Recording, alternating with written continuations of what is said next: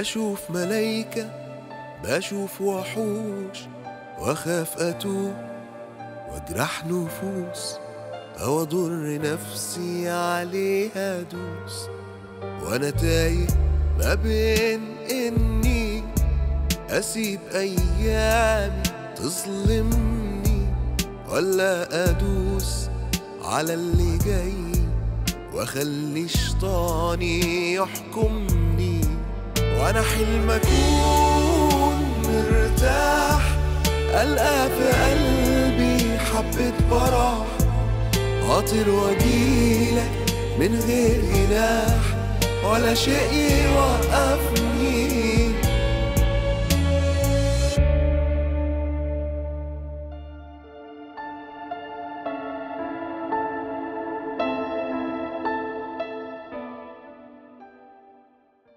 سؤال بيتبعت لي من زمان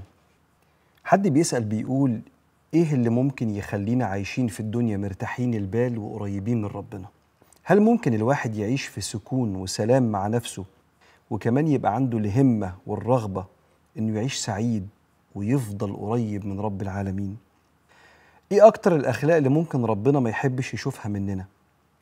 وإيه أكتر أخلاق تعيشني في الدنيا سعيد بس واخد حقي وفي نفس الوقت يوم القيامة أبقى مطمن على نفسي ليه سيدنا محمد عليه الصلاة والسلام أكتر حاجة اشتهر بها الصدق رغم إن في أخلاق كتيرة إحنا محتاجينها في الدنيا دي نفسي الواحد يعرف السكة السهلة الواضحة اللي تعيشه في الدنيا مرتاح وفي الآخرة يكون من الفائزين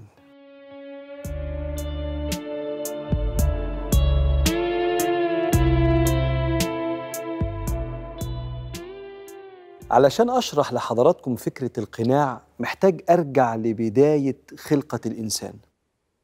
هذا الكون بيدار بأربع سنن الله بيدبر أمر الكون بأربع ثوابت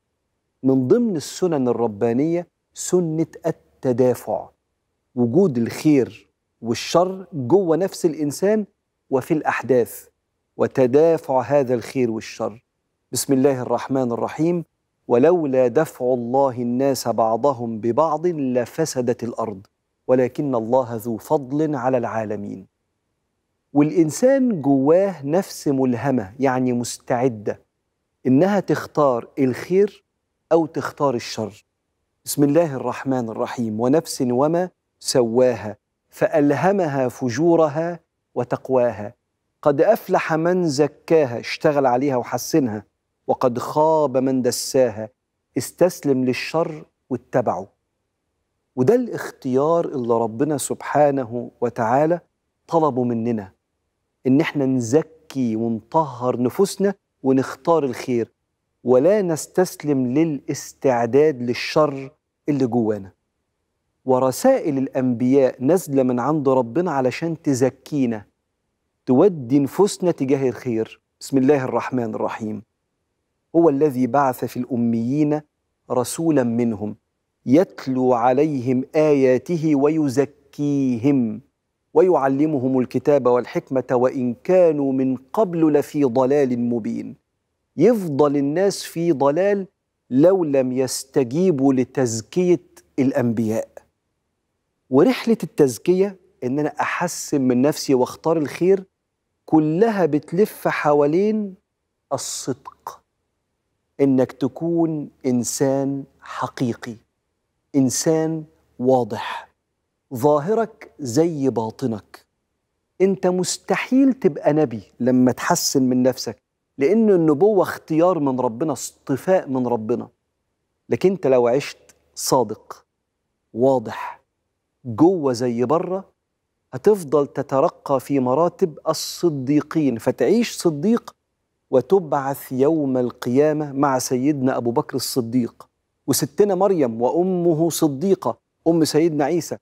والصديقة بنت الصديق السيدة عائشة حبيبة رسول الله وأم المؤمنين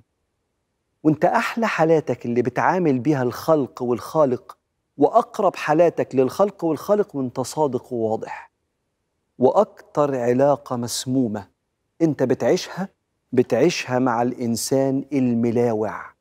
اللي جوه مش زي بره اللي مش واضح عشان كده خلاصه التدين والقرب من الخلق والخالق في الايه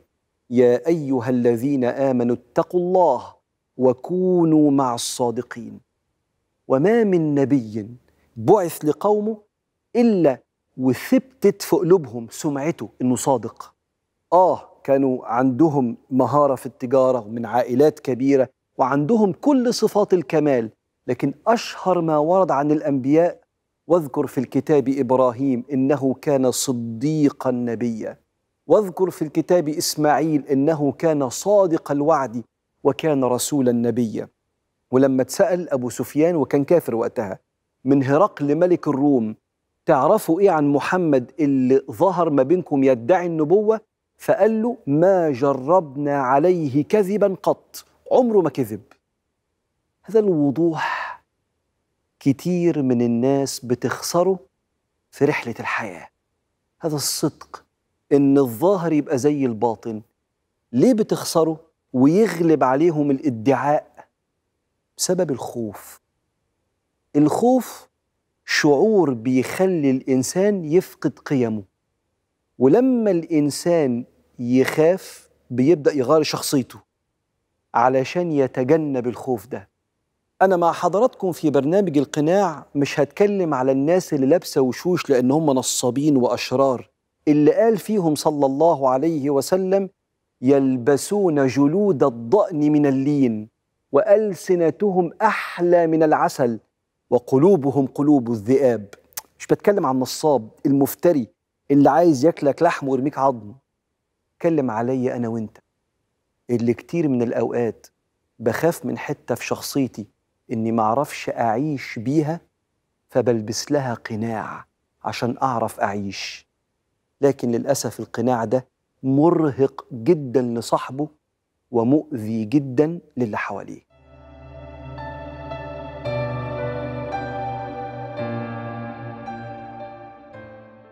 إلهي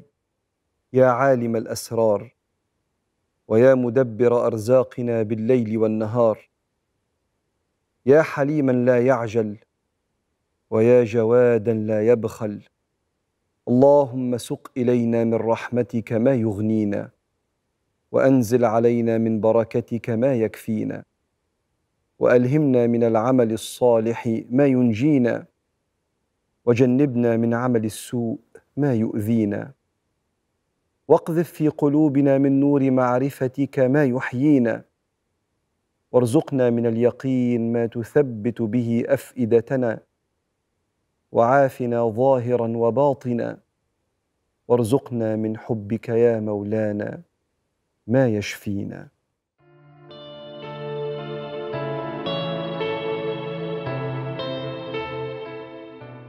عايزك تديني عقلك وقلبك عشان أشاركك فكرة القناع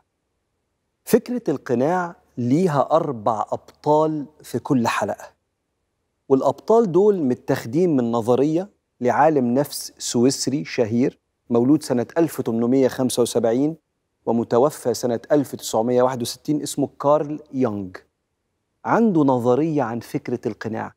هنستعين بيها واحنا ماشيين جنب الادله الشرعيه من القران والسنه وكلام العلماء فكره القناع مبنيه على اربع ابطال احتياجاتك المشروعه اللي من حقك تلبيها شخصيه اسمها شخصيه الظل جواك بتخاف منها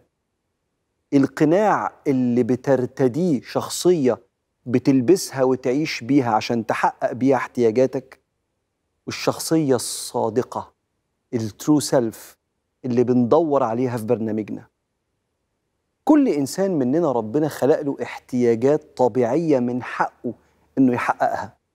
فإحنا عندنا احتياج البقاء أحافظ على نفسي احتياج التأمين من المخاوف من حقي احتياج إن أنا أتحب احتياج التقدير احتياج الشعور بالسيطرة وإن أنا عارف أدير حياتي احتياج الاستقلالية وإن رأيي يطلع من عقلي ومحدش يسيطر عليا احتياج التأثير في حياة الناس وعمل فرق احتياج جني الاحترام وأن يكون ليا وضع في وسط الناس كل هذه الاحتياجات هي احتياجات حلال مشروعة واجب عليك وانت في رحلة حياتك انك انت تتعامل بطريقة تلبي لك الاحتياجات دي ولما الإنسان ما يكونش عنده هذه الاحتياجات بيعيش تعيس لأن كل احتياج من دول بيسد خانة في شخصيته ونفسيته وسكونه وطمأنينة نفسه ولكن ننتقل للبطل الثاني في فكرة القناع شخصية الظل كل واحد فينا عنده جواه حتة في شخصيته مش بيحبها وشايف ان الحتة اللي في شخصيته دي مش بتساعده انه يعيش سعيد او يقدر يلبي احتياجاته فخايف من الحتة دي جواه وعايز يدفنها وتصرفاته اللي هيتصرفها اللي هتخليه يلبس وش يتعامل بيه هو لابس الوش القناع ده عشان يداري الحتة اللي ما بيحبهاش في شخصيته فاللي منا شايف انه لما يبقى حنين هيتداس عليه لان الناس بتدوس على الحنين وانا عايز اتحب عندي احتياج وعايز اتقدر فانا هلبس وش العصبي المتحفز عشان الحته الحنينه اللي جوايا دي انا مش بحبها القناع هو شخصيه مش انت شخصيه بتطلع منك تصرفات انت كتير ما بتبقاش راضي عنها القناع ده بيخلي الانسان ودي اكبر مفاجاه يخسر الاحتياج اللي لبس له الوش عشان يحققه لانه مش موفق من ربنا سبحانه وتعالى انه في وقتها بيكون بيدعي ما بيكونش صادق عشان كده احنا بندور مش على القناع ولا حتى هنوافق ان احنا نعيش بالخوف بتاع شخصيه الظل احنا ولا ده ولا ده احنا في برنامجنا بندور على يا ايها الذين امنوا اتقوا الله وكونوا مع الصادقين بندور على شخصيتك الاصليه الصادقه اللي فيها كل الخيرات اللي ربنا خلقها القناع مش الادوار اللي بنلعبها يعني انا النهارده في شغلي حازم جدا وفي البيت الزوج الرومانسي ومع اولادي العيل الصغير اللي بيلعب مع العيال دي ادوار دي مش اقنعه الاقنعه هي شخصيات مصدرها خوفي من حته في شخصيتي بلبس الوش عشان اعرف احصل على احتياجات لان جوايا حته كده بتقول لو اتصرفت بشخصيتك الطبيعيه هتخسر كل ما تحتاج فلو عرفتك حكون رجعت لنفسي تاني بعد ما ضعت فبروح وباجي وكمان بتوب معرفش نفسي بين الوجوه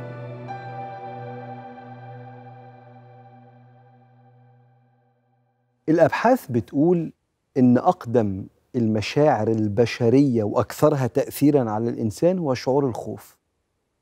وبيقولوا المتخصصين ان الخوف بيقطع العمليه الذهنيه ويؤثر على التفكير ويخلي الانسان ما يعرفش يشعر بمشاعر تانية جنبه كل ما قوي الخوف كل ما الانسان خد تصرفات قبل ما يفكر فكانت ردود افعاله غير محسوبه بسبب الخوف بيقول لك لان البني ادم جواه اقوى واقدم دافع ودافع البقاء دافع الحمايه عايز احمي نفسي فالخوف بيأثر على حكمة الإنسان عشان كده ربنا سبحانه وتعالى لما بيفكرنا بنعمته علينا كتير يفكرنا بنعمة الأمان قال تعالى فليعبدوا رب هذا البيت الذي أطعمهم من جوع وآمنهم من خوف ووعد ربنا سبحانه وتعالى أنه يأمن المؤمنين بعد ما عاشوا فترات من الخوف وعد الله الذين آمنوا منكم وعملوا الصالحات ليستخلفنهم في الارض كما استخلف الذين من قبلهم وليمكنن لهم دينهم الذي ارتضى لهم وليبدلنهم من بعد خوفهم امنا ليه يعبدونني لا يشركون بي شيئا لما تبقى مش خايف تعرف تنصر قيمك على رغباتك وعلماء النفس يقولوا كده ان من ضمن الاشياء اللي بتفسد على الانسان تمسكه بالقيم الخوف الشديد والخوف نوعين خوف يخليك تاخذ التدابير فتمشي عدل عشان تحمي نفسك فاللي خايف انه يمد ايديه بيشتغل واللي خايف انه يتلام على تقصيره بيأدي آه، المسؤوليات اللي عليه واللي خايف انه يتأذي ما بيعرضش جسمه مثلا للمخاطر وفي خوف مرضي لما الانسان يبقى خايف من اشياء اغلبها اوهام بتخليه يتنازل عن قيمه من اجل احتياجات غالبيتها وهميه مرتبطه بمنظره قدام الناس ووضعه قدام الناس وخوفه على الرزق آه، بتاع بكره وربنا ضامن الرزق وهو المفروض يعمل اللي عليه ويتوكل على ربنا وده اللي يفهمك حديث النبي عليه الصلاه والسلام ان الصدق يهدي الى البر وان البر يهدي الى الجنه الصادق اللي جوه زي بره اللي جوه من مشاعره زي تصرفاته مش بس صدق الكلام ده في صدق النيه ومطابقتها للفعل الصادق ده ما بيطلعش منه تصرفات فيها ملوعة ومراوغة ما بيلبسش أقنعة وإن الصدق يهدي إلى البر وإن البر يهدي إلى الجنة وإن الكذب يهدي إلى الفجور الأقنعة أغلبها تحتها فجور وإن الفجور يهدي إلى النار صاحبنا الأولاني يفضل يصدق يصدق حتى يكتب عند الله صديقا وللأسف التاني من كتر الأقنعة حتى يكتب عند الله كذابا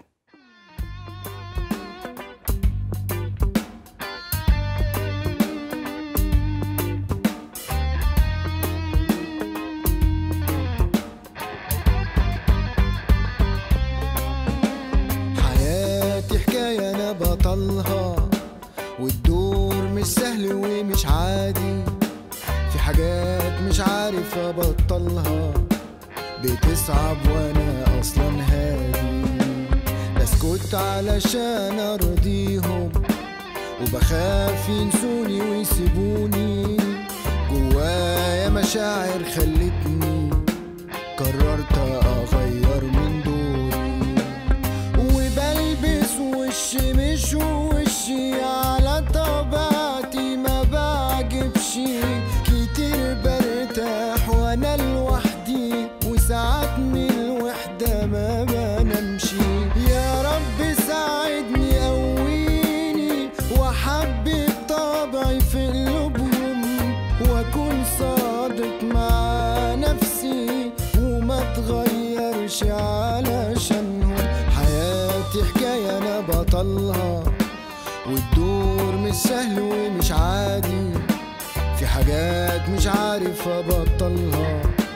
بتصعب وانا اصلا هادي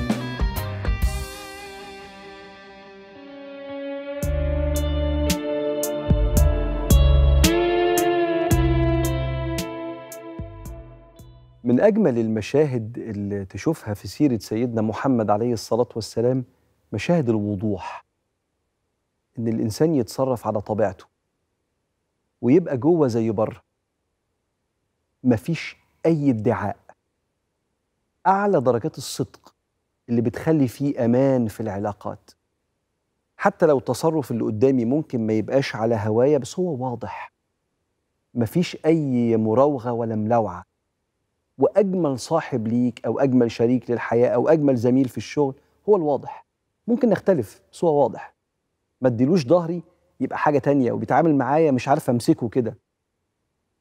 اشهر ما في سيره سيدنا رسول الله الصدق في غزوة الخندق 10000 مقاتل واحنا تقريبا 900 فحفرنا خندق بعرض المدينة كده حفرة كبيرة قوي ممكن يبقى عرضها مثلا 3 4 متر وعمقها 3 4 متر فالجيش احنا شايفينه اهو قدام اهو والحرب كانت شديدة من أول شروق الشمس لغاية غروب الشمس الشمس لما بتغرب في الصحراء لو القمر مش مكتمل بتبقى الصحراء تبص كده ما تشوفش ايديك من كتر الضلمة مفيش عواميد نور فكانت الحرب ممكن تبقى من الصبح بالليل لو بس انت في جيش المسلمين القليل قدام ال 10000 مقاتل يعني هم 10 اضعافنا لو اديت ظهرك بس كده هتتقتل بسهم ولا برمح ولا ايا كان ففي يوم من ايام الحرب سيدنا عمر بن الخطاب جه وهو متضايق جدا الحديث ده في البخاري وجعل يسب كفار قريش يا رسول الله والله ما صليت العصر حتى كادت الشمس ان تغرب يعني مثلا لو المغرب الساعه 6 يا دوبك صليت 6 الا 5 ولا 6 الا 10 بص بقى الوضوح فقال صلى الله عليه وسلم اما انا فوالله ما صليت العصر